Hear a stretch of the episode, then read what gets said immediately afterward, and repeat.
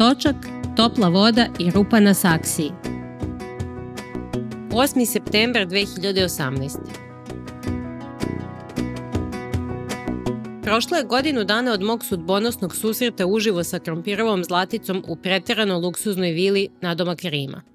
Sa ove sigurne vremenske udaljenosti mogu da se obratim naciji i otkrijem šta sam tamo radila i zašto sam ubrzo potom raskinula sa rusko-kalifornijskom princezom.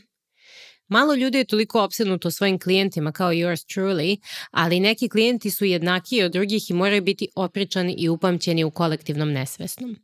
Kao 27-godišnja preduzetnica sa dugogodišnjom karijerom online fitness trenera i objavljenom knjigom, Zlatica se prošlog leta našla na životnoj raskrsnici.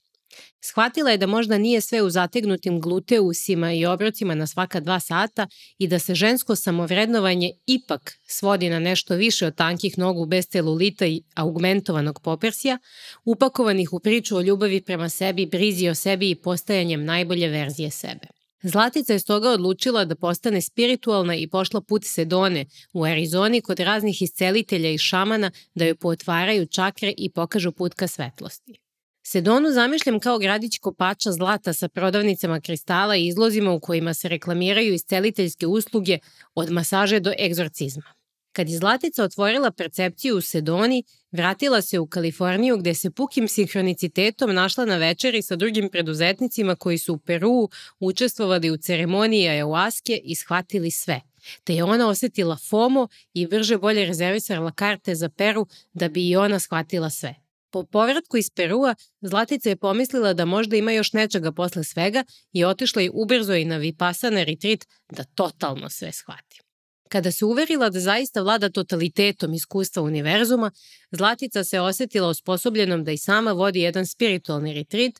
U meditaciji je došlo da to treba da bude u Rimu, a ruka duha je vodila kroz Airbnb da izabere vilu sa teniskim terenima, bazenom, stilskim nameštajem i baštovanom za tričavih nekoliko hiljada dolara za noć.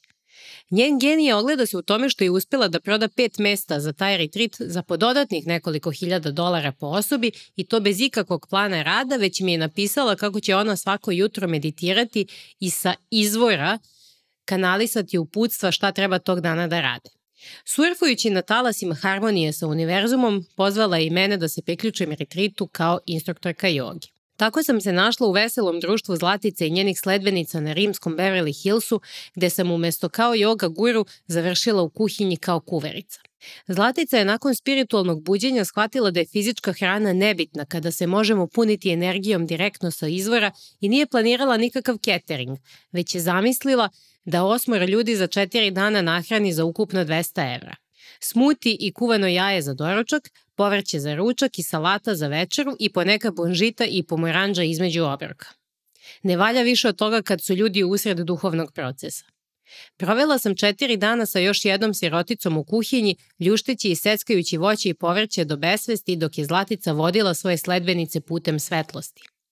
Držala sam i časove joge ujutru, ali joga je pala u senku četvorodnevnog gladovanja koje ni jedna ženica nije smela da prizna, a sve su bile gladne uprkos hiljadama dolara koje su platile da učestvuju na retritu. Čim se retrit završio, otišla sam u Rim na picu. Kad sam se vratila u Beograd, tražila sam Zlatici poveći honorar za kuvanje i počela da tražim nove klijente. Kampirova Zlatica nije se tu zaustavila. Ubrzo nakon Rima organizovala je još jedan spiritualni retrit u San Diegu, a pošto je umeđu vremenu našla dečka, nakon mesec i po dana veze sa njim osposobila se da postane relationship coach, te je napravila i opet skupo prodala istim ženicama kurs pod nazivom Love Sex Magic. Kako je njen dečko ekspert za marketing, ubrzo je osnovala i konsultantsku firmu gde ženice podučava veštinama prodaje.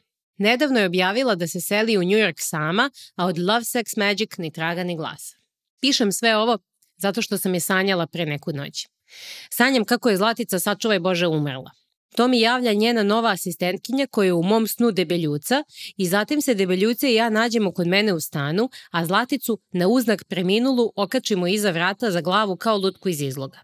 Visi tako Zlatica obešena, Meni nešto neprijatno da prođem pored nje da bih otišla u toalet, a moramo da sedimo u stanu jer napolju je vanredno stanje zbog neke vojne parade, zakletve pitomaca ili nečeg trećeg. Gledamo se debeljuce i ja i u jednom trenutku Zlatica otvori svoje krupne oči. krene da se hvata za vrat tamo gde je obešena, a ja pokazujem prstom na nju i vičem znala sam, samo je hibernirala, ona je ruskinja. U mom snu Rusi hiberniraju iz nekog razloga.